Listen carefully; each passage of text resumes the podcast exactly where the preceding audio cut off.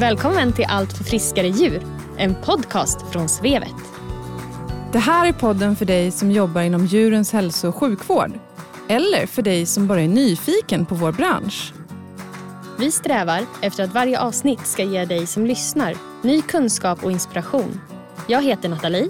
Och jag heter Maria. Följ med oss när vi träffar spännande gäster från alla hörn och kanter av veterinärbranschen i Sverige. Tillsammans gör vi ju allt för friskare djur.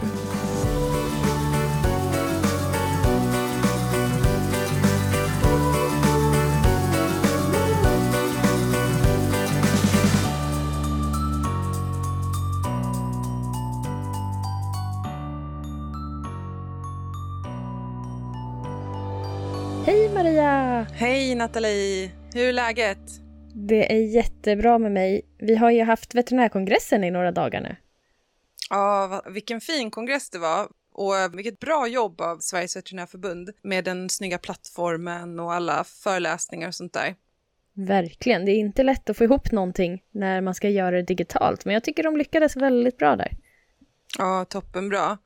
Och programmet också som vi sponsrade, Psykisk hälsa, det blev ju också toppenprogram med jättemånga fina omdömen och kommentarer från deltagare och sådär och många jättebra föreläsningar, tankeväckande, så det var jätteroligt att få följa det.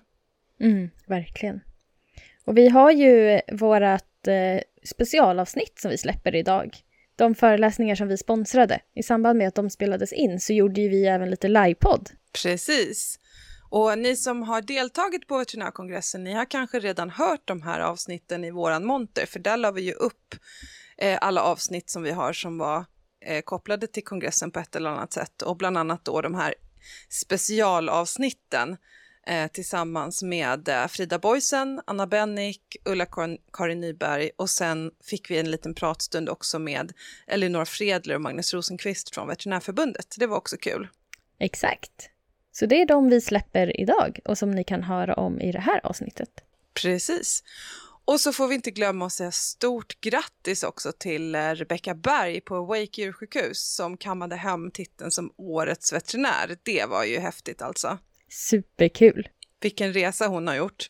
Men nog om det. Nu så går vi över till snacken som vi hade tillsammans med våra gäster, tillika föreläsare på veterinärkongressen. Håll till godo!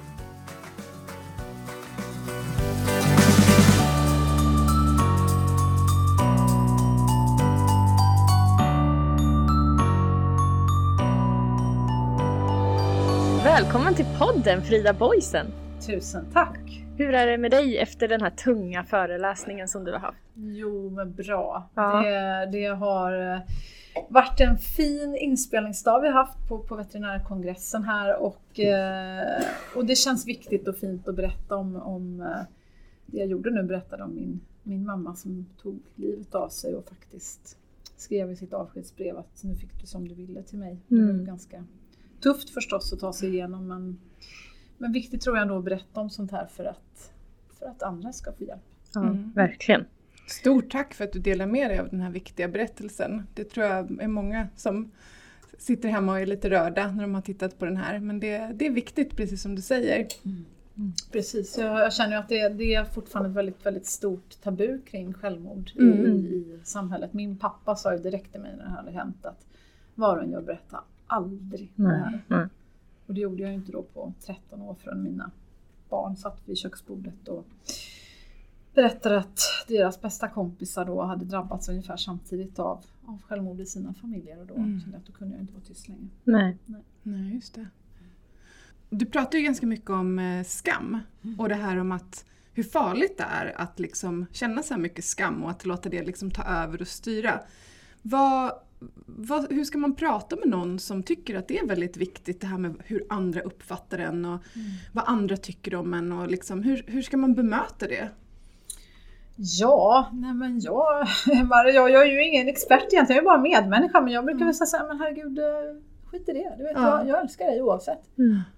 Jag menar, bästa tjejkompisar, vi har ett uttryck som heter då till våra tjejkompisar som heter såhär, glöm aldrig bort att du är en pangbrud. Det brukar vi säga när eh, någon av oss går igenom en sån här riktig livskris. Som, allt bara känns skit, jobbet är skit eller partnern är skit eller mm. allt vad det nu är. Alltså, liksom, men, glöm inte bort att du är en pangbrud. Just det. Och det liksom symboliserar på något vis att släpp alla de där förväntningarna, släpp att det är Tänk på att du är värd. Mm. Du är värd så mycket. Mm. Och bara bekräfta det, berätta för, för, för ens kompis att men du vet hur mycket det betyder för mig.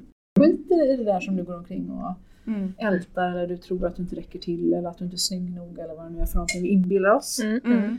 Skit i det.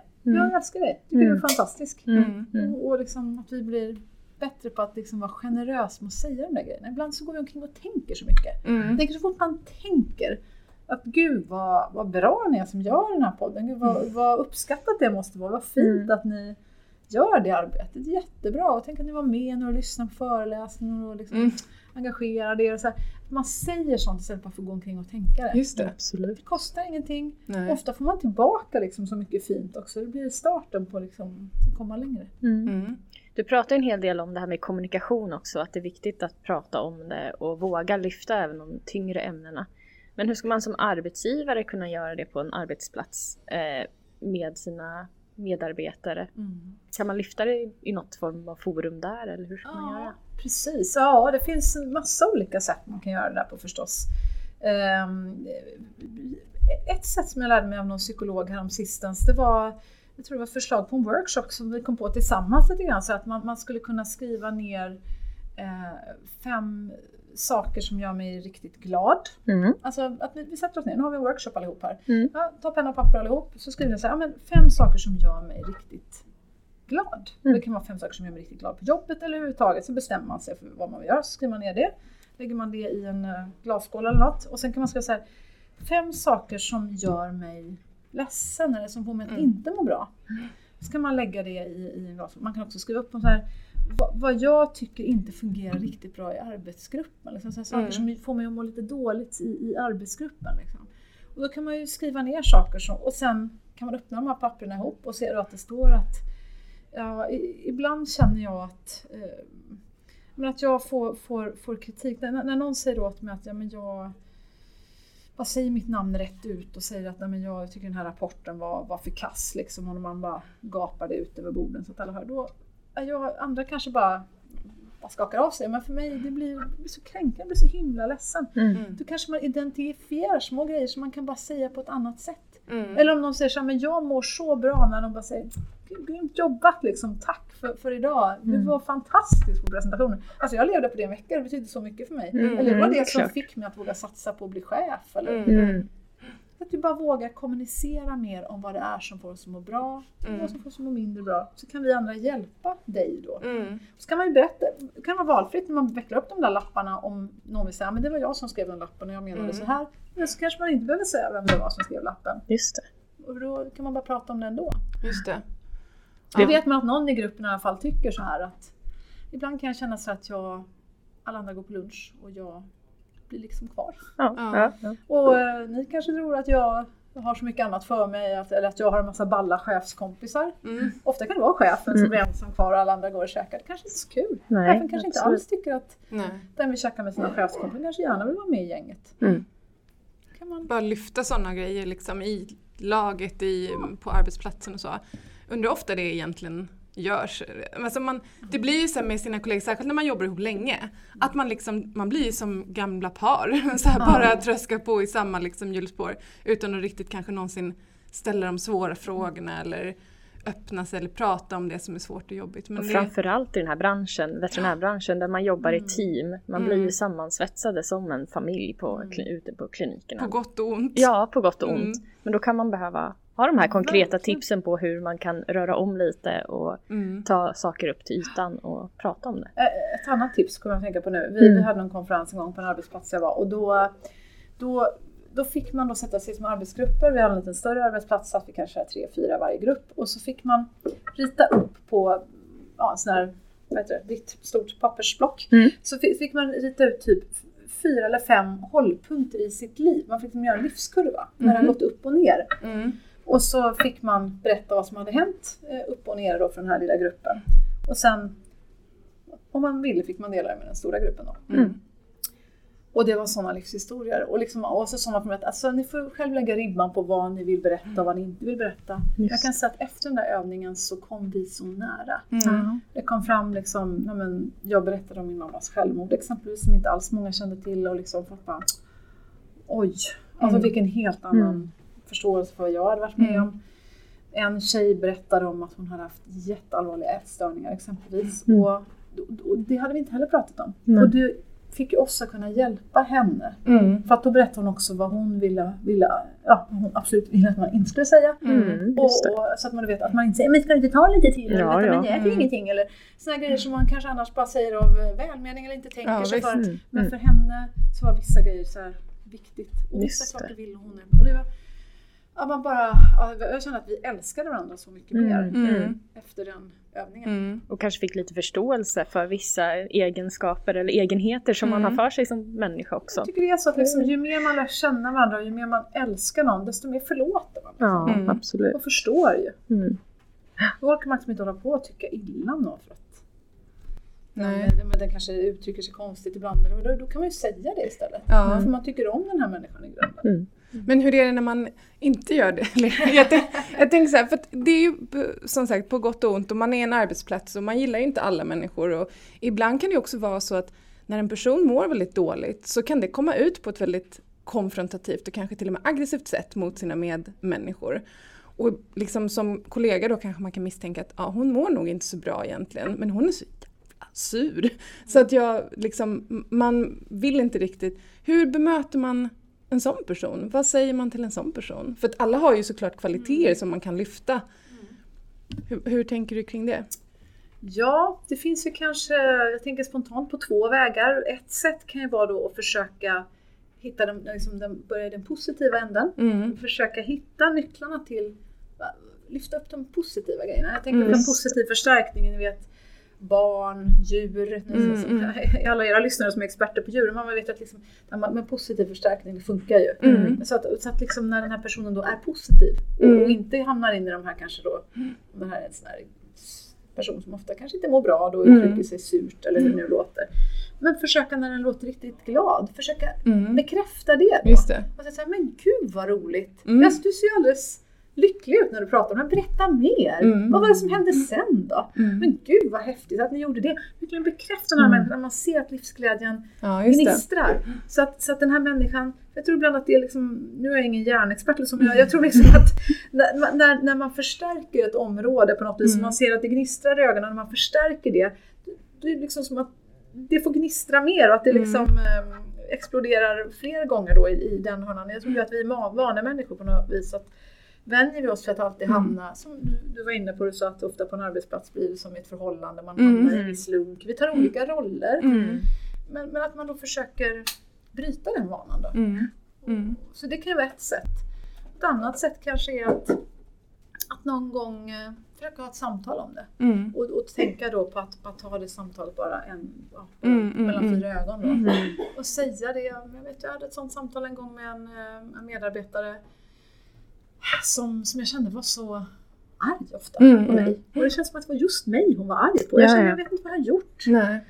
Och jag sa det, alltså, nu kanske, det, kanske du blir ledsen eller, eller tycker jag är dum. Och jag vet inte riktigt hur jag ska säga det här för jag vill inte ska komma, komma ut fel. Så kan man Mm. säga om man är Mm. osäker och Mm. bara vara ärlig med att man känner sig lite nervös inför samtalet. Mm. Säga det då. Så vet ju den andra det. Kanske lite mer förlåtande om mitt ord inte blir riktigt rätt. Så, så, ibland känns det som att du blir arg på mig i möten och, och den här grejen som hände nu. Jag känner att det blev så, blev så hårt i det här mötet och du sa, tyckte du höjde rösten lite grann. Och,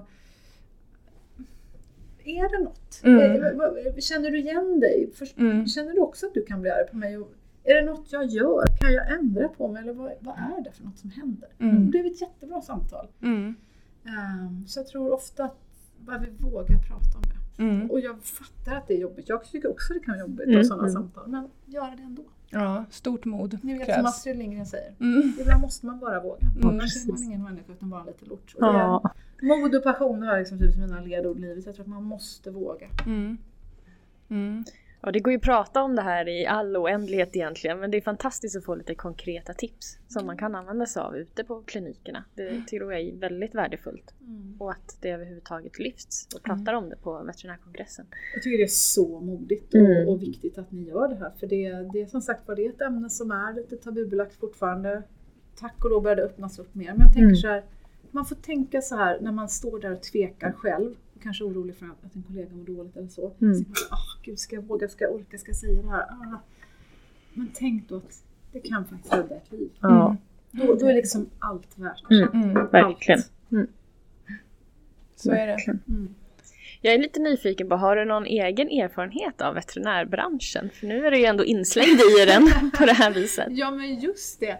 Jo, det har jag ju förstås. Eh, nu ska jag tänka efter. Jo, men jag, jag har ju haft häst eh, ett tag, min dotters häst. Eh, så då var det ju mycket veterinärer. Vad det var... Ja, de är sjuka jämt. Ja, ja, det får du säga för du har jobbat med häst. Ja, precis. ja, men jag tycker jag har aldrig varit så mycket i kontakt med veterinärer. Men det var, det var liksom det var, det var, hon hade några lite såna små blodmaskar som kom och gick. Ja, ja, ja. Det tyckte jag lät så läskigt första gången jag hörde det så jag tänkte herregud jag dör vad läskigt. Vad äckligt liksom. Men det var tydligen ganska vanligt. Ja, ja, ja. Det, det har liksom, de allihopa. Eller hur? Jag bara åh! Stackars hästar, de är så söta. De går med maskar in i blodet. Ja, nej, men så då skulle man ju ha medicin för det där hela tiden och det skulle vara prover och jada jada. Eh, och, och de skulle besiktigas och, de, eh, och när de skulle byta eh, ja, platser, komma till nya ställen och då skulle det lämnas in grejer och det skulle mm. vidimeras och att man ja. bra och hej och hå och böja ben och allt vad det nu är. Ja, men sån stor respekt kan jag säga att jag verkligen känner för, för eh, alla de veterinärer jag har mött. Jag tycker alla har varit jättebra, mm. professionella, mm. snälla, duktiga, eh, bra på att förklara saker mm. för mig då som var en ny hästägare, ganska mm. okunnig. Det var egentligen min dotters häst och hon mm. var jätte, jättehästintresserad. Mm. Men jag kände mig mer som en novis. Mm. Så jag kände att jag hade mycket att, att, att lära. Och, nej, jag kände aldrig att mina frågor var för dumma. Eller, nej. Så, så jag, jag har blivit väldigt vänligt eh, och fint bemött för att säga av alla veterinärer jag har varit i mm. kontakt med. Så tack alla ni. Förlåt för alla mina dumma frågor. Nej men så, ja. det är många som har, eller på att säga, ja, det är man van vid. Ja. Nej men alla kan inte vara experter. Nej, alla kan inte vara experter. Jag tycker det är bättre att fråga då. Absolut. Än att man gör fel. Eller? Ja visst, mm. absolut. Mm. Men det är andra året i rad som du är konferencier för veterinärkongressen. Ja. Hur känns det då? Och hur är det? Ja, jag är jättestolt. Det är det finaste som finns när, när någon kommer tillbaka och säger Åh, vill du komma nästa år också? Ja. Då blir man så rörd så man inte vet var man ska ta vägen. Och, och just att få göra veterinärkongressen för, för alla fantastiska människor som jobbar med djur tycker mm. jag är jätte, jättefint. Mm. Eh, och, och, jag har ju hört så mycket om, om eh, vilken utsatt situation faktiskt många veterinärer har. Mm. Jättepressat. Så, mm. så att, att vi får chansen då att erbjuda inspiration, utbildning är ju faktiskt här också på ett sätt. Och att, att lyfta och ge kraft och mm. nya idéer, det tror jag är precis vad som behövs. Särskilt när vi har haft en sån speciell tid som vi har haft nu. Man mm. kanske inte riktigt har ja, kunnat möta så många faktiskt, apropå mm. möten. Kanske vissa samtal som har försvunnit. Man kanske kommit längre ifrån vissa vänner eller kollegor mm. som man annars haft. Så extra viktigt tror jag, mm. att, att samlas nu. Mm. Och roligt att den bara växer och växer och blir större och större. Ja, visst är det. Helt otroligt, Verkligen. jätteroligt. Ja. Så jag är imponerad får jag säga av Veterinärförbundets arbete med kongressen, att, att man har lyckats fånga eh, digitaliseringens möjligheter och, och nått ut till så många fler. Mm. Det är kul. Verkligen. Ja, du har gjort ett fantastiskt jobb och jag vet att de uppskattar det där ute på klinikerna också. Ja, så det ska roligt. du ha med dig. Ja, men tack, jag vill verkligen skicka all kärlek tillbaka. Ja. Ja, fantastiskt med all fin feedback vi har fått. Mm. Kul! Tack snälla för att vi fick prata med dig lite. Ja, tack för att jag fick vara med.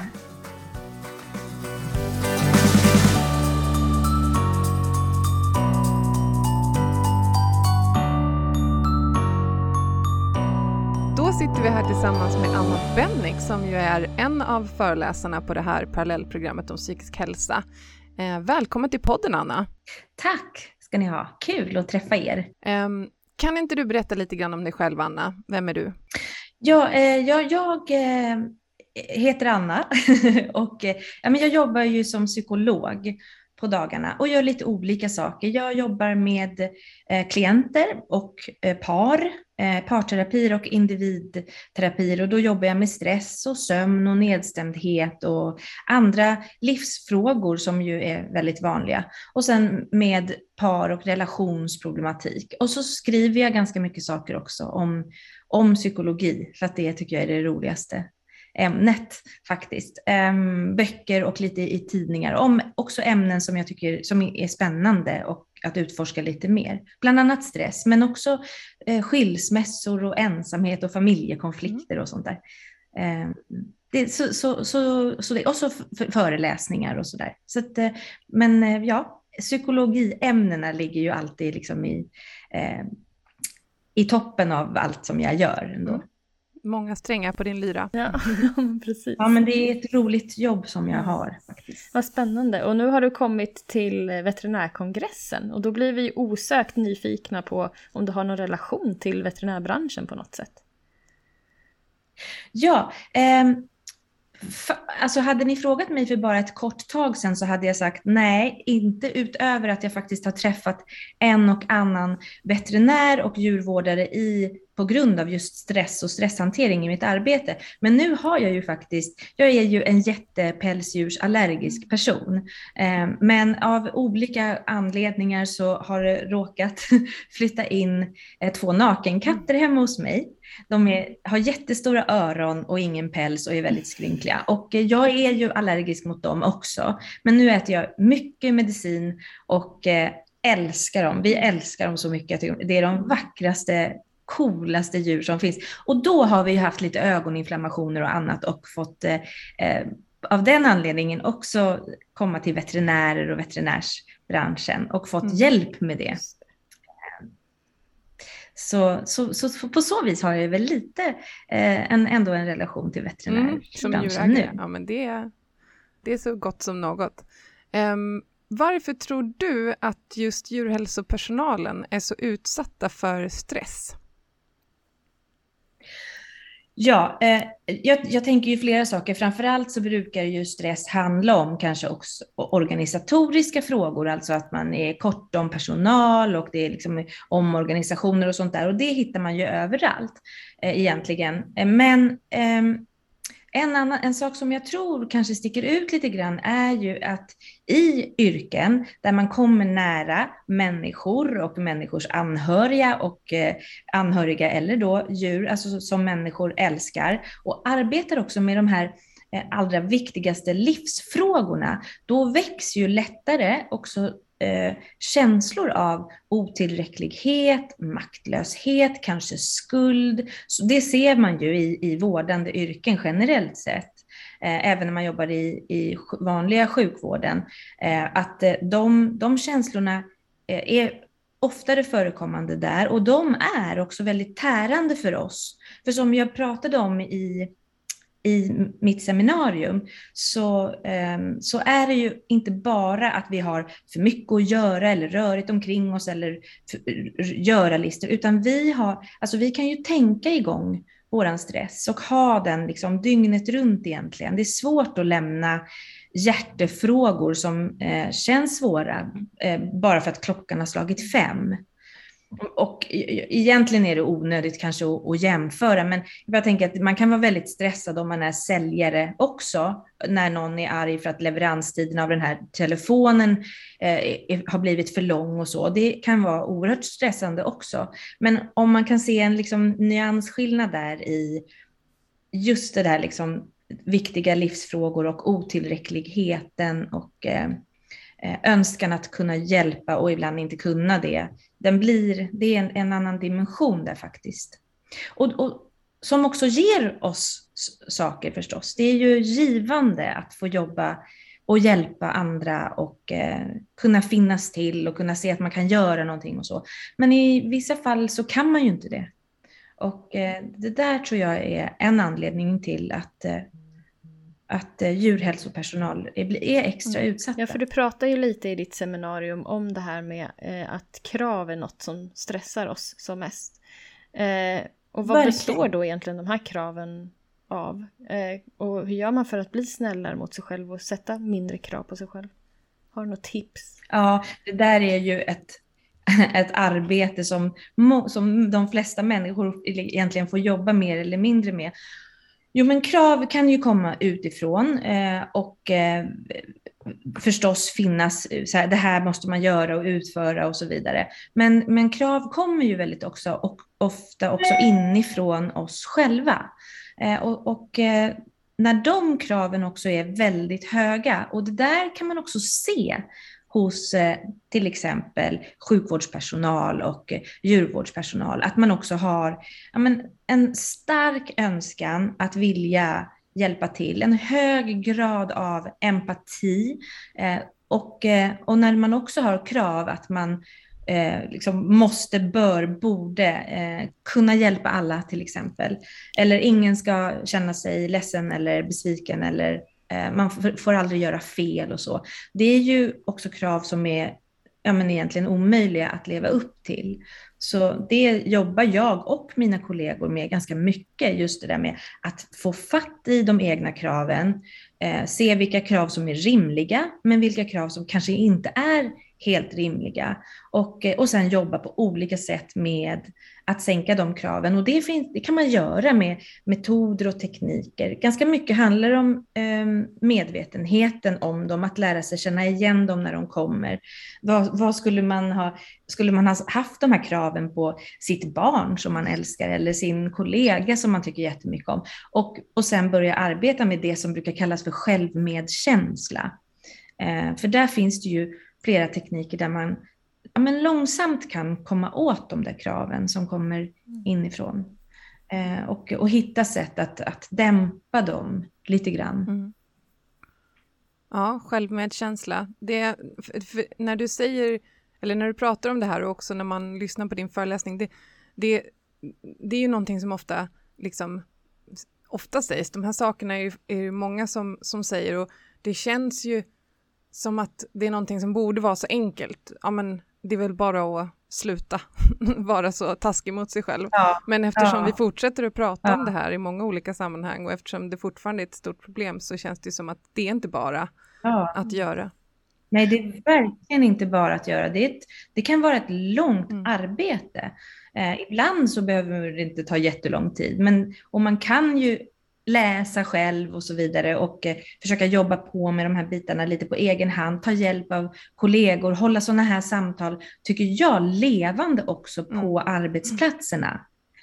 Um, jag tycker sådana här ämnen ska borde finnas på agendan eh, när man har möten på jobbet och så vidare. Hur har vi med det här och hur funkar det att man kan ha in lite, ja men man behöver inte lämna ut eh, sig själv framför kollegor om man inte vill det, hela, lämna ut hela innanmätet. Men att, att diskutera frågorna, att dela med varandra lite grann, det är också ett sätt att, att hjälpas åt med det här. Så att arbetsplatser som äh, sätter de här frågorna som viktiga och på agendan och ger det tid, det tror jag har att vinna på faktiskt. Att ha en, en grupp med personal som, som kan må lite bättre. För det är mycket, mycket jobbigare att bära de här sakerna mm. ensam. Men hur... Och det tror jag att många arbetsplatser är, är, är mm. bra på idag. Mycket, mycket bättre idag än för 20 mm. år sedan. Absolut. Men hur, jag tänker på det rent liksom konkret, för man, det är ju lätt att känna uppgivenhet inför sånt här. Och det är också lätt att tänka sig att ja, men jag, det är sån jag är. Um, det, är det är min läggning liksom. Och det är inte så mycket att göra åt. Men, men man, alla kan lära sig att sluta ställa så mycket krav på det här menar du? Alltså man, det är någonting man aktivt kan liksom ja. arbeta med, som, som att man tränar upp sin styrka eller kondition eller vad som helst. Det där tycker jag är en jättebra liknelse som du säger nu, just att man kan träna sig. Därför att, eh, för det möter jag ju också ofta i mitt jobb, men jag är så här och jag har alltid mm. varit så här. Och det stämmer ju att vi föds och har olika förmågor och olika sårbarheter och olika, olika faktorer som gör att vi sen ja, men har olika saker att kämpa med. Eh, men för det jag, får jag också ibland höra sådär att ja, men det här är ju liksom en medfödd egenskap som jag har. Men mm. det, är liksom det fina i kråksången är att även om det är någonting som är medfött eller om det är någonting som är inlärt, för en del kan ju har vuxit upp också i en ganska kravfylld miljö och om man inte presterar så här då blir man lite liksom bestraffad på olika sätt och, och att man inte har något värde om man inte presterar på, på en, en hög nivå och, och in, man får inte göra fel och sådär. Så, men även om det, oavsett om det är inlärt eller om det är medfött, så har vi eh, människor en fantastisk kapacitet till en sorts ominlärning. Och vi kommer aldrig kunna träna oss i att bli exakt likadana eller aldrig ha några krav eller, eller så. Men det går ju att göra förändringar, skruva på det där lite grann så att, så att man kan må lite bättre, kapa toppar eller dalar eller eh, lättare komma ur någonting som är svårt. Sen kommer man aldrig kunna så här, alltid vara jädrigt nöjd med sig själv mm. och tycka att livet är som en på en pinne. När man ibland ser på Instagram sådana här kommentarer, varför, varför vara ledsen när man kan vara glad? Det är ju oerhört provocerande. så lite välja glädjen och så. Eh, det kan vi ju göra om vi mår bra och har kapacitet, men det, så är det ju verkligen inte för alla. Så, så det är klart att det kommer vara ja, men, tufft och svårigheter och sådär, men det går absolut att, att eh, träna sig till att eh, må lite bättre, att vara lite till exempel snällare mot sig själv och så vidare. Det har jag sett tusen gånger. Mm. Ja, ja, precis. Och då när man ska vara lite snällare mot sig själv, då kommer vi osökt in på det här med återhämtning. Eh, och du gav vi ganska många bra tips i, i ditt seminarium på vad som kan vara återhämtning och att det inte behöver vara en lång semester bara för att räknas Nej. som återhämtning. Men eh, den stora knäckfrågan, eller vad man ska kalla det, det är ju eh, hur man går tillväga. Har du några bra hands-on tips där på hur man lyckas få till återhämtning så den blir meningsfull? Precis, och det där är också tycker jag en jättebra fråga, att du lägger till en återhämtning som känns meningsfull. Därför att i början, när man börjar göra beteendeförändringar, så känns det kanske inte meningsfullt. Därför att det är, man börjar med att göra små förändringar och små saker som kommer leda till eh, resultat på längre sikt. Men vi får kanske inte resultatet direkt i stunden. Och vi är ju lite så här eh, resultatjunkies och eh, mm. gillar inte att hålla på med grejer som vi inte lägger märke till. Och det här blev bra i stunden. Vi, vi styrs ju ganska mycket, vi människor, av kortsiktiga belöningar på det vi gör egentligen och mm. undviker gärna sånt som är obehagligt och sådär. Eh, så, så, så där har vi liksom ett grundläggande inbyggt problem som, som art. Men om man kan eh, bestämma sig för att man gör små saker som faktiskt inte är så svårt, inte känns jättejobbigt, inte tar så himla mycket längre tid än det man redan gör. Eh, och liksom håller, håller i det där lite grann så kommer man märka de där, man kommer få den där belöningen eh, sen, efteråt. Mm. Och om man förstår det, att det att det inte krävs att jag måste byta jobb och skilja mig och flytta långt bort och, och, ändra hela mitt liv, utan om man förstår att om jag ändrar mitt förhållningssätt till saker några gånger i min vardag, under, sett under liksom flera gånger under dygnet, eh, om man förstår det och eh, kan hålla ut lite med de här små förändringarna så, så, kommer man känna sig till slut motiverad. Det kommer kännas meningsfullt att ibland eh, resa sig och gå iväg och eh, att gå en promenad med en granne, att fundera på om jag måste logga in och, och, läsa på och göra det här nu, eller om jag faktiskt ska gå ut i skogen en liten stund eller, eller ringa till någon som jag gillar eller sådär. Så att, att, mm. alla, att det är många bäckar små på något sätt. Mm. Det är ju det som är så mm, liksom svårt med allt det här. Ja. Det är just det där du säger, att man inte ser resultaten. Det är återigen liknelsen med träning är jättebra, ja. för att man blir inte stark av att gymma en gång, liksom, utan det är ett arbete som fortgår. Och att det är samma sak här, liksom, att man måste ta sig den tiden. Ja, men precis. Precis. Men jag tror att det är bra att liksom komma ihåg att återhämtning är kan vara, är förstås att åka iväg och eh, logga ur och hinna komma ner i varv under en längre period. Det är också att sova i flera timmar liksom per dygn och så vidare. Men, eh, men eh, återhämtning är också korta stunder, ett par minuter här, några andetag där, några byta miljö hit och en rask promenad för att få upp eh, liksom, pulsen lite och sen slår återhämtande systemen på. Och att, att återhämtning också är aktiv. att återhämtning också oftast handlar om att göra någonting annat än det man har gjort innan. Därför kan ju trädgårdsarbete och lösa korsord och virka och till och med diska vara återhämtning. Eh, mm. Men att man, att med, återigen medvetenheten om de där sakerna är väldigt hjälpsamt också. Mm. Mm. Tack snälla Anna. Tusen, tusen tack Anna för att du ville prata med oss. Tack snälla. Tack för att jag fick vara med.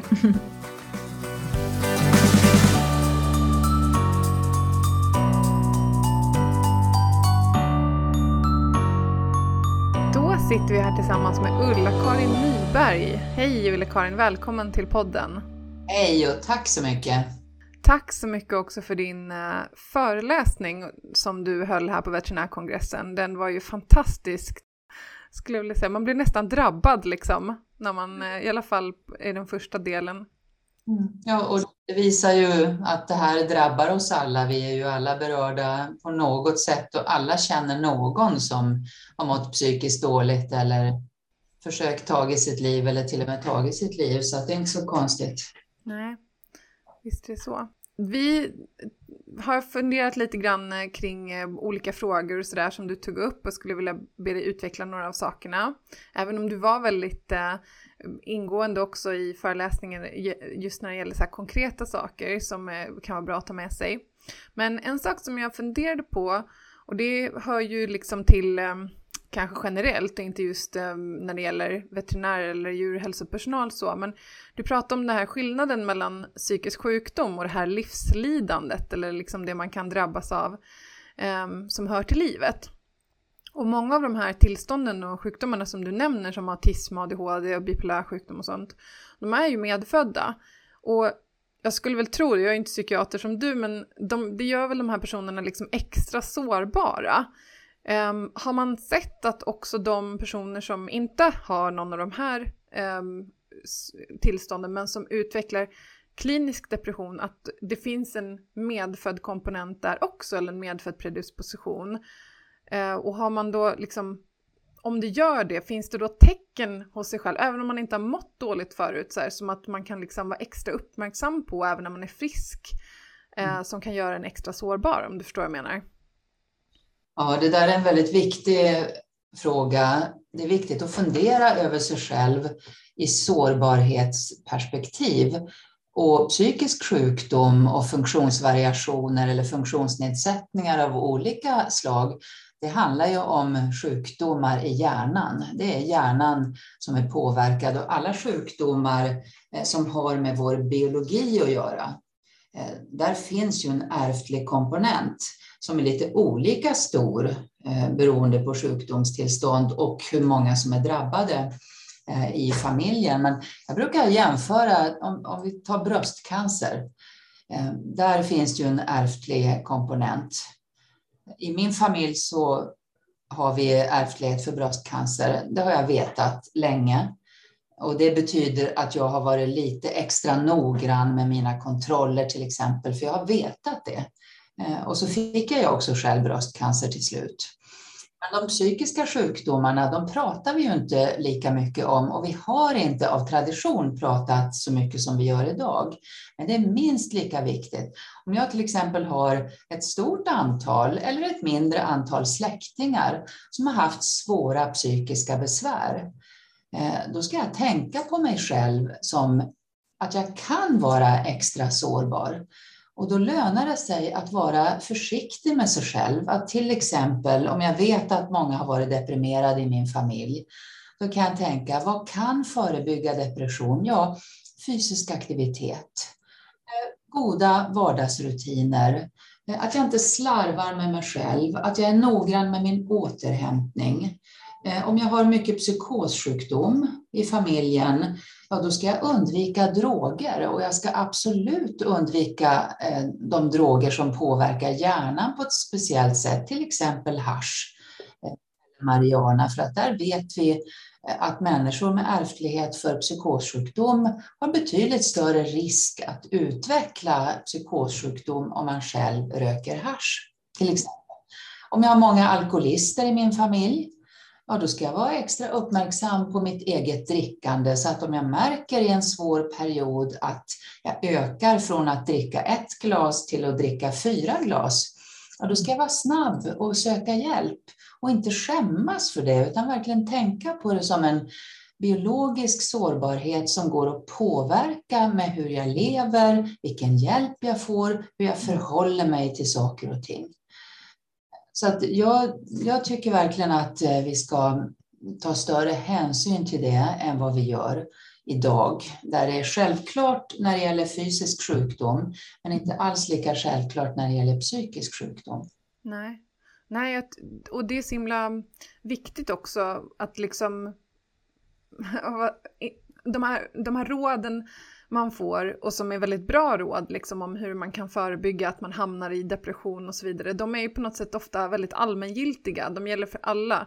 Men jag tror att eh, det, det finns ju de som är extra sårbara och vad man liksom behöver, att man behöver ta extra hänsyn till sig själv och där behöver man verkligen rannsaka liksom, och titta bakåt och så vidare. Så det... Mm. Och en sårbarhet kan ju också, vara en, kan ju också utgöra grunden för en motståndskraft att jag har haft flera självmord i min familj eh, och vi pratar öppet om det i vår familj och jag ser konsekvenserna av ett självmord, att jag ser hur fruktansvärt ledsna alla blir. Vi lovar varandra i familjen att vi ska aldrig gå och bära på självmordstankar ensamma, utan vi ska prata med varandra. Och vi ska söka hjälp och vi ska inte skämmas. Då kan ju det bli skydd ett. Det kan, bli, det kan stärka min motståndskraft fast jag har en biologisk sårbarhet kanske.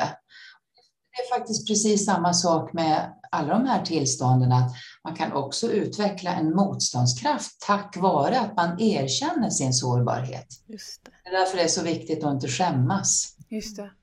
Ja, så jätteviktiga saker att ta med sig alltså. Mm. Helt klart. Du pratar inledande i ditt seminarium om att det faktiskt inte är farligt att må dåligt heller. Eh, och det är en otroligt viktig punkt som jag själv tog med mig därifrån när jag lyssnade på det. Kan inte du berätta lite mer om hur du tänker kring det, att det inte är farligt att må dåligt? Vi, vi lever ju i en kultur där vi ofta riktar in oss på att avlägsna lidande. Jag märker det själv. Jag har fått en, ett barnbarn. Han är nio månader nu. Han är väldigt glad av sig. Och när han gråter, när han till exempel slår sig, så är det så nära till hans för mig att försöka distrahera honom så att han ska bli glad igen. Alltså vi har det i oss, att det ska kännas bra, det ska kännas rätt, det ska kännas stabilt.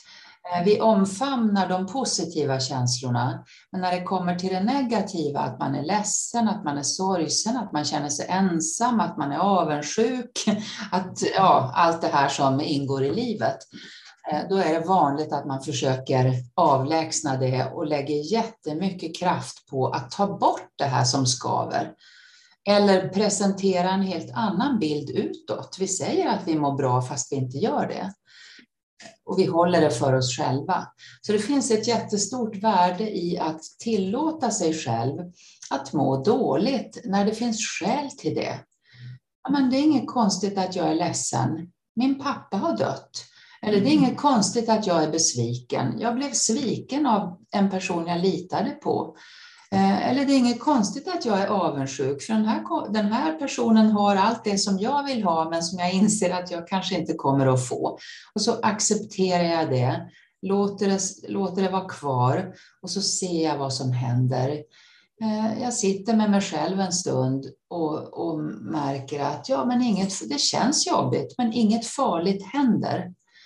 Och då upptäcker man så småningom sina egna verktyg ja, jag tål faktiskt att vara ledsen. Jag kanske har en styrka i mig själv att jag tillåter mig att vara ledsen och då kan jag låta andra vara ledsna också.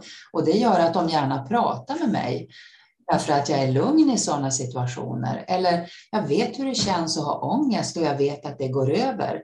Och då kan jag använda mig av det både när det gäller mig själv och när det gäller andra. Det, det är den här balansen, att det som det som är en mot, kan kännas som en motgång kan också vara en tillgång. Och att man alltid har egna verktyg som det lönar sig att upptäcka och använda. Och sen naturligtvis, ibland måste man ju be om hjälp när man känner att det här klarar jag inte själv.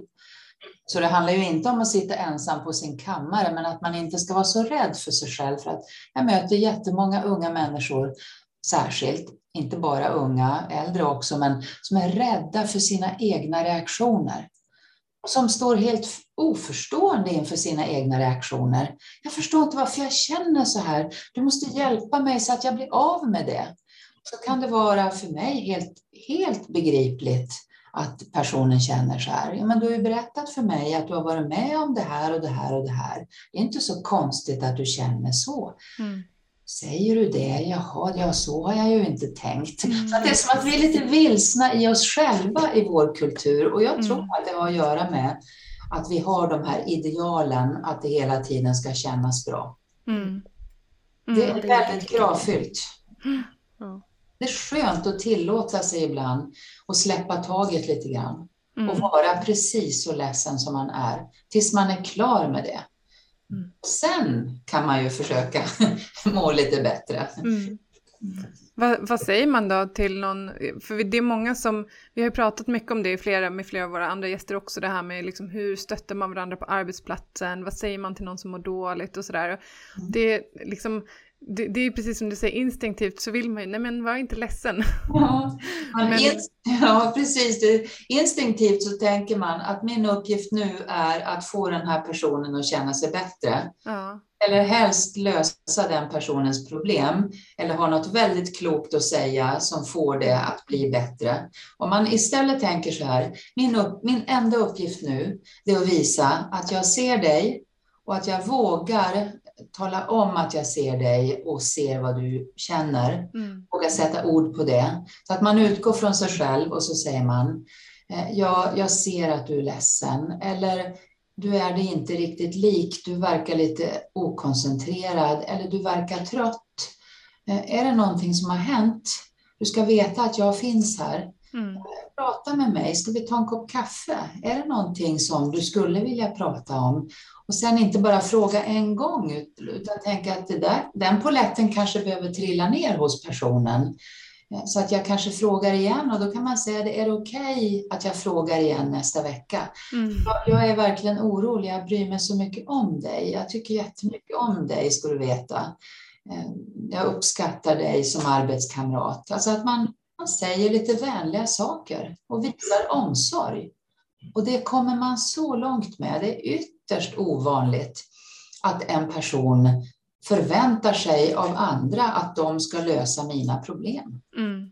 Eller hur? Mm. Absolut. Men det är så skönt med den som tillåter mig att känna som jag gör. Så man behöver trä, träna lite på det där och ibland behöver man också träna på, på arbetsplatsen att fråga personen hur vill du ha det? Om man vet att någon har varit med om någonting jobbigt och så säger man vi är så angelägna om att det ska bli bra för dig men vi vet inte riktigt hur vi ska göra. Kan inte du ge oss lite råd? Hur vill du att vi beter oss? Hur vill du ha det? Hur kan vi hjälpa dig på bästa sätt? Så att, man är liksom, att det blir en dialog runt det, runt mm. det här. För du ställer ju frågan i ditt seminarium också, jobbar vi med förberedande insatser? Den frågan ställer du rakt ut när du pratar. Har ja. du något sådant exempel på vad en sån, sådan typ av insats skulle kunna vara ja. på en arbetsplats? Ja, till exempel att man bestämmer sig för, och då ska man komma ihåg, allt det här måste ju komma från ledningen. Ledningen måste sanktionera att det här, det är viktigt, det kommer vi att prioritera på vår arbetsplats. Det får ta lite tid.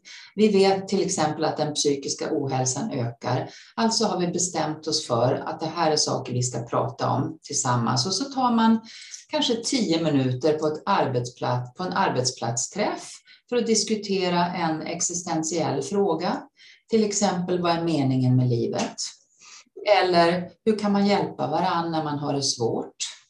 Eh, eller eh, hur känns det eh, att hamna utanför en grupp? Alltså det, att man bestämmer sig för att den här frågan ska vi diskutera gemensamt.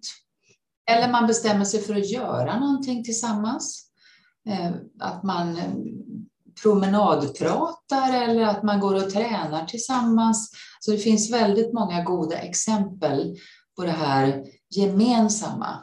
Det här delar vi. Det är ju det som är utgångspunkten, att i kraft av att vi är människor så delar vi detta. Vi är lika varann. Det är mer som är lika än som skiljer oss åt. Eh, och därför har vi bestämt oss för att skapa ett öppet samtalsklimat runt sådana här frågor. Ja, men det är ett superbra liksom, råd att det också behöver så att säga, schemaläggas eller sättas på agendan. För att det är, så, man, det är sådana frågor som så lätt ja, kommer i skymundan andra, annars tror jag. Ja. Mm. ja. men det är väl en superbra grej. Till en, nu ska vi ha fika och då ska vi ja. prata om ja, meningen med livet. Ja, eller hur känns det att vara stressad? Mm. Eller vilka varningssignaler kan man vara uppmärksam på? Vilka varningssignaler har jag när jag märker att jag börjar gå över gränsen för vad jag orkar med? Ehm, Sådana saker. Så vi är ganska omedvetna om våra egna gränser, många av oss. Och bara att prata om det, ja, men jag märker jag sover dåligt eller jag dubbelbokar eller jag blir trött på dagarna eller jag förlorar lusten att umgås med människor eller göra roliga saker. Det uppstår en så stark gemenskap av att man pratar om det och då kan man ju gå laget runt. Eh, och, och, bara, det behöver ju inte vara superladdat, för, för man ska ju inte tvinga människor som inte känner sig riktigt mo, mogna för det att berätta personliga saker. Men man kan ju börja med någonting som inte är så laddat, till exempel symptom på stress. Mm. Mm. Ja, och när vi ändå pratar om arbetsgivaren, för de har ju ett väldigt stort ansvar ehm, för sin personal naturligtvis, både när det gäller fysisk och psykisk arbetsmiljö. Ehm, har du några fler sådana ehm, konkreta, liksom, vad kan arbetsgivaren göra för att förebygga och upptäcka eh, när en i personalen mår psykiskt dåligt. För det är ju inte säkert att man, alltså även arbetsgivare kan ju stå lite handfallna i det här och det är inte säkert att det finns en handlingsplan eller att det finns en liksom lista på så här går vi tillväga. Nej, men nyckeln är ju handlingsplan. Mm. Att vi har en handlingsplan för svåra situationer. Vi måste ofta improvisera därför att det finns inte en modell som passar alla. Men har man en, en plan eller en rutin i botten Eh, som man följer så är det mycket lättare att också improvisera. Att jag tycker man, man ska ta fram en rutin som handlar om stöd till personal eh, med någonting som man alltid följer med några aktörer som finns att tillgå, till exempel företagshälsovård som ofta är underutnyttjade. Eh, och tala om det här finns och sen vad chefen har för roll. I vår rutin eller riktlinje för stöd till personal efter suicid så har vi skrivit väldigt detaljerat Eh, vilken roll var och en har. När en patient har drabbats av det? Nej, utan där personal har drabbats av att en patient har tagit sitt liv. Ja, så det stöd till personal. Mm. Men det står väldigt tydligt vad chefen um, har för uppgift. Och då ska man också sprida det i arbetslaget och tala om att eh, vi har den överenskommelsen att om man är orolig för en kollega så ska man berätta det för sin chef. Eh, man ska inte hålla det mellan två personer, utan det är så länge det påverkar arbetet, så att det sprids oro i arbetsgruppen till exempel, eller en person underpresterar. Man gör ingen tjänst genom att bara kompensera och ha överseende, utan man behöver diskutera vad handlar det här om? Och då måste man få in chefen. Och då är det mycket bättre att ha en sån rutin i lugnt läge som alla kan acceptera, än att man i skarpt läge ska skapa en rutin eh, för att Ebba mår dåligt och alla vet det, men sen går man till chefen och så blir det lite hysch, hysch, hysch där och så vet inte chefen riktigt vad man ska göra, utan Mår man dåligt, då kommer vi att prata eh, med vår chef och då finns det en handlingsplan för chefen. Det finns ju många manligt dominerade arbetsplatser har det så här. Eh, byggarbetsplatser till exempel, jättetydliga eh, riktlinjer för hur man ska göra när någon dricker för mycket till exempel eller mår dåligt på något annat sätt. Ja, då tar chefen personen i hampan och går iväg till företagshälsovården eller psykiatrin eller psykiat psykakuten eller vad det nu kan vara. Och så är alla överens. Det blir inte alls lika laddat då. Nej, just det. Mm. Ja, vad kloka ord. Eh, tusen tack Ulla-Karin för att du ville ta dig tid att prata med oss en liten stund. Eh, och för er då som inte har tittat ännu på Ulla-Karins eh, seminarium, gör det. Det är väldigt, väldigt värt att se. Och som sagt väldigt drabbande och mycket nyttigt. Tack, tack snälla. Tusen tack.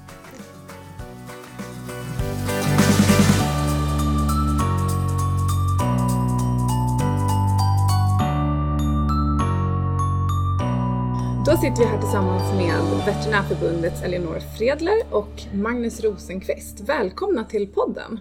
Tack! Tack. Kan inte ni berätta lite grann om eh, vilka ni är och vilken bakgrund ni har? Vi börjar med dig Elinor. Mm. Jag är, äh, heter alltså Elinor Fredler och är vice ordförande i Sveriges veterinärförbund.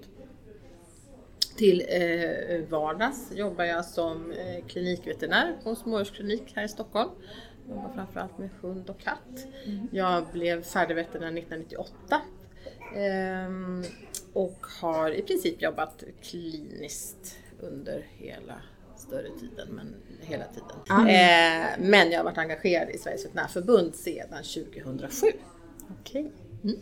Bra. Hoppade du direkt på viceposten då eller Nej, gjorde du någonting annat? Nej, jag, jag, jobbade mig stegvis upp dit. Okay. Eh, jag började som, som suppleant och sen ledamot och sen eh, har jag suttit med i själva förbundsstyrelsen sedan 2017. Mm. Innan ingick jag i en annan styrelse som inte längre finns. Okej. Mm. Ja. Och du Magnus, vem ja. är du och hur kom du in i det här? jag eh jag tillbringade första halvan av min karriär med forskning och undervisning. Mm. och andra halvan började jag med jobba med administration och eh, ja, projekt och personalfrågor. Mm. Eh, jag har varit på förbundet sedan årsskiftet. Och ja, jag, som sagt, de senaste tio åren när jag jobbade med administration var jag på Lantbruksuniversitetet på okay. veterinär och husdjursvetenskapliga fakulteten. Mm. Så jag är insatt i frågorna men tidigare har jag varit suttit som på andra sidan bordet, på arbetsgivarsidan. Okej. Okay. Mm. Just det. Och nu jobbar du heltid för Veterinärförbundet? Nu jobbar jag heltid mm. för Veterinärförbundet. Just det. Och anledningen till att vi sitter här idag, det är ju för att eh, vi på Svevet sponsrar programmet Psykisk hälsa på Veterinärkongressen. Och eh, vi gör ju även det här podcastavsnittet eh, med lite olika föreläsare från det programmet eh, som ett specialavsnitt från mm. kongressen. Um, Ehm, så vi tänkte att vi skulle fråga er lite grann, uh, för nu har vi lyssnat idag på föreläsarna som har pratat om psykisk ohälsa på olika sätt, näthat och um, de här situationerna ur kanske ett mer generellt perspektiv. Men om man tänker ur veterinärernas perspektiv och ur Veterinärförbundets perspektiv, hur jobbar ni generellt med de här frågorna i Veterinärförbundet? Ja, vi, vi jobbar ju dels med att eh, prata med arbetsgivare. Mm. För att det är ju, arbetsgivarna har eh, arbetsmiljöansvaret. Mm. Eh, både fysiskt och psykiskt eh, ansvar helt enkelt. Eh, sen eh, har vi försökt göra debattinlägg för att upplysa djurägare bland andra om, om situationen och hat och hotbilden. Mm. Helt enkelt skapa en debatt om mm. det. Mm. Finns för att medvetandegöra precis djurägarnas mm. eh, förståelse för veterinärens vardag. Mm. Eh, den är ju helt annorlunda sedan eh, några år tillbaka. Mm. Eh, vi har helt, eh, helt annan hotbild mm. eh, i och med sociala medier. Um, och det är otroligt viktigt arbete för förbundet att uh, på bästa sätt få ordning på det här mm. och hjälpa våra medlemmar. Mm. Får ni gehör från djurägare och eh, alltså, märker ni att ni får liksom genomslag i det här när ni riktar er just till djurägare med den informationen? Ja, vi, vi har ju fått positiv respons på det. Mm. Det, är ju, det är ju såklart de flesta djurägarna förstår ju det här. Mm. Eh, och det handlar ju om ett, ett fåtal personer som har svårt att, att tygla sin ilska kanske. De får mm. ett negativt besked om sitt djur när de är söker upp vård. Mm. Eh, och sen så har vi ju dels den här mer anonyma eh, hatbilden då på, mm. i sociala medier. Mm. Men, eh, men de, det är ju såklart som vanligt att de flesta är ju förstående och, mm. och vänliga. Ser ni några ökade trender på det här eh, att hatet ökar i och med sociala medier eh, för veterinärerna eller hur, hur ser det ut? Ja, men sociala medier har ju definitivt ökat. Mm, Det är mycket mer, det är lättare helt enkelt. Är det fler och fler arbetsgivare som söker sig till er också för att få stöttning med de här frågorna eller hur ser det ut?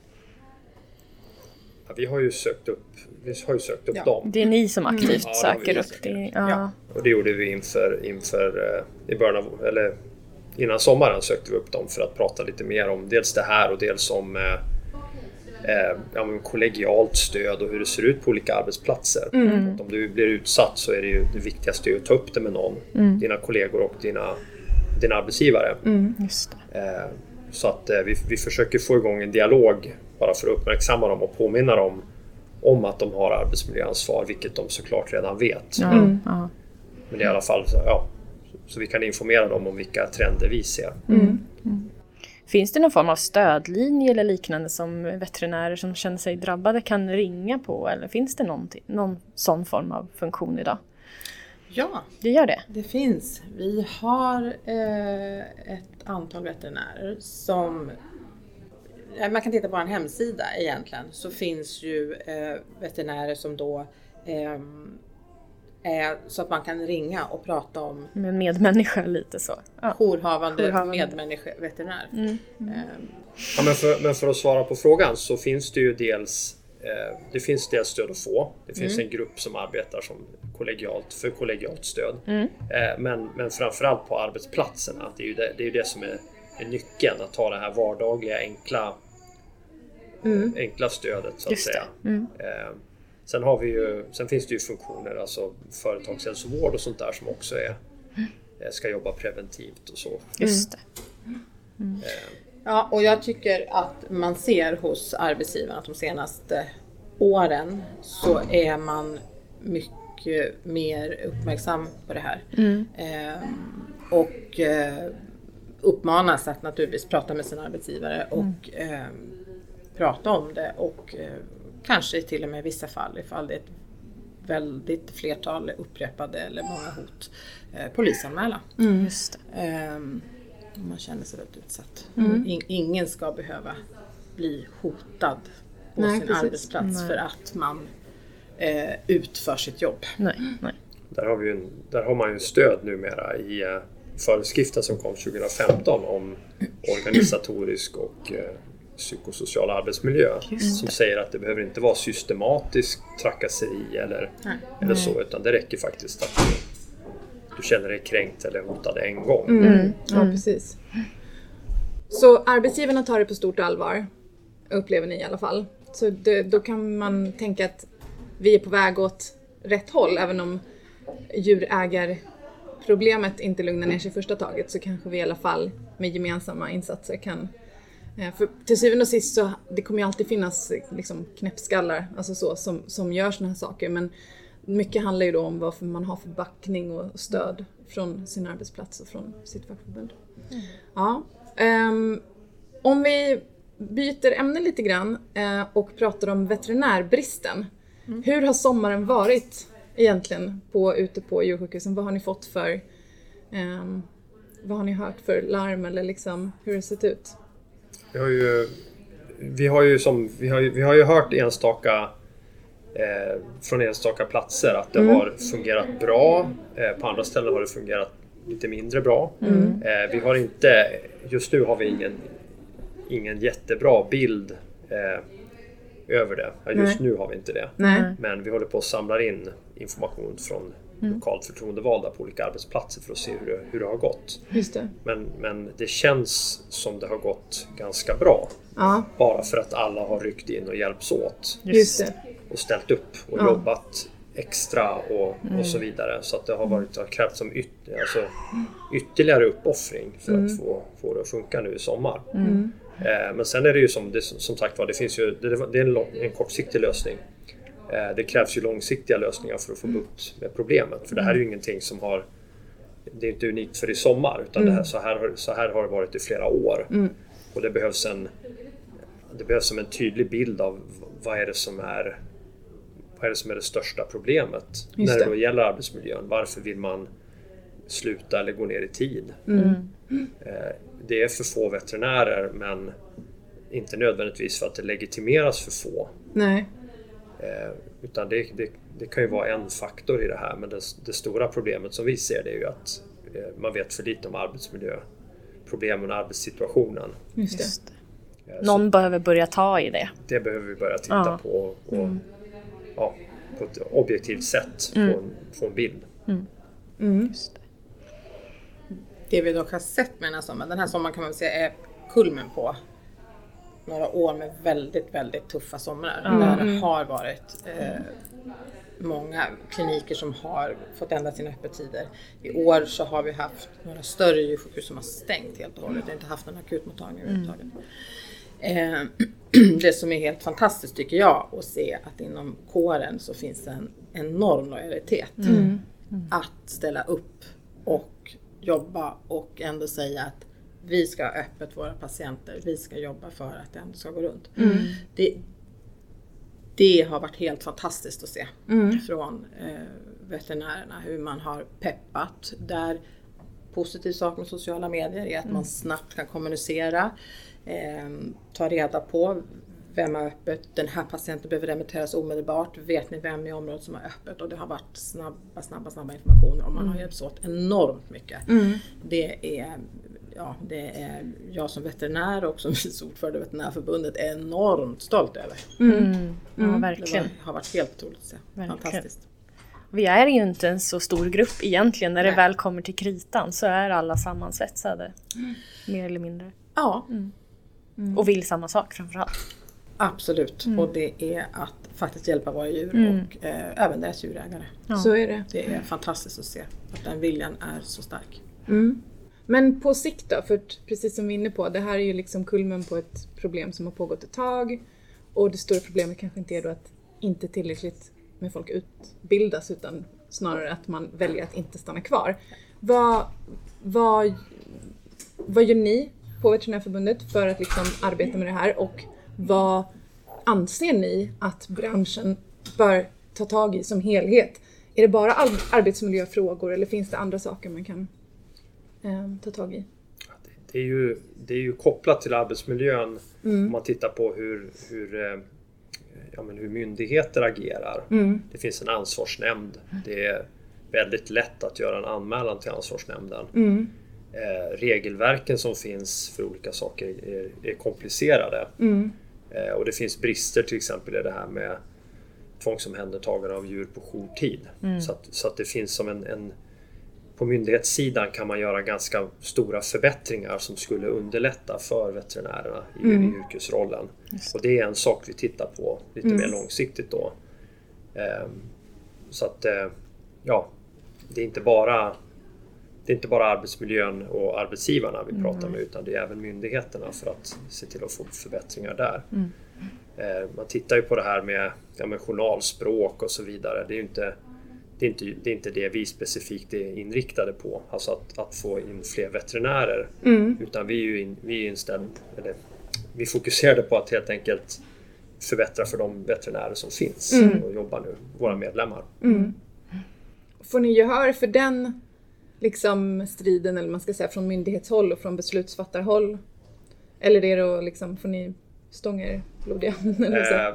Vi stångar oss blodiga men det är lite vår uppgift att göra ju. Mm. Eh, och, eh, men vi får, vi får gehör. Mm. Och det rör på sig och det rör på sig alltså myndighets och lagändringar eller, eller sådär. Mm. mm. Eh, det, det, tar ju tid att få till förändringar. Ja. Men, eh, men vi, har, eh, eh, vi har haft flera möten med Näringsdepartementet då, som är ansvariga för Jordbruksverket och så vidare. Just det. Så ni har påbörjat arbetet? Ja, precis. Det har ni gjort. Ja. Och, de, och de förstår problemen och ja. till exempel det här med tvångsomhändertagande under jourtid har ju det har Jordbruksverket också konstaterat att här är det brister i lagtexten. Så det, det. det, går inte riktigt att tolka var ansvaret ligger. Och det, måste, det ska korrigeras helt mm. enkelt. Mm. Mm. Vad bra att det händer saker. Det, ja. det behövs. Mm. Det behövs. Ja, vi rör oss om lite i den här grytan. Mm. Ska man bara koppla det, just det här jag nämnde om tvångsomhändertagande på jourtid. Mm. Då har man ju Där har man ju som det här den riskabla situationen och de har en djurägare som inte som inte accepterar ett beslut som ja, veterinär vill fatta. Mm. ja, då, då behövs det ju stöd helt Ja, enkelt. absolut. Och befogenheter, ja precis. Ja, men då kan vi vara överens om att det fortfarande finns saker att jobba med. Eh, men att arbetet är påbörjat ifrån Veterinärförbundets sida. Arbetet är definitivt på, påbörjat, det Mm. har pågått eh, och det kommer att fortsätta pågå tills vi eh, får de absolut bästa förutsättningar som möjligt för våra medlemmar. Fantastiskt. Det ser vi fram emot att få följa utvecklingen. Tack snälla för att vi fick prata med er. Tack ska ni ha. Tusen tack. Hoppas att ni gillade det här eh, extra specialavsnittet som vi gjorde i samband med veterinärkongressen. Om du vill komma i kontakt med oss på Svevet så är, är det som vanligt podcastet svevet.se som gäller. Exakt. Tack snälla Maria för dagens avsnitt. Tack själv, vi hörs i nästa avsnitt. Det gör vi. Hej då! Hej då!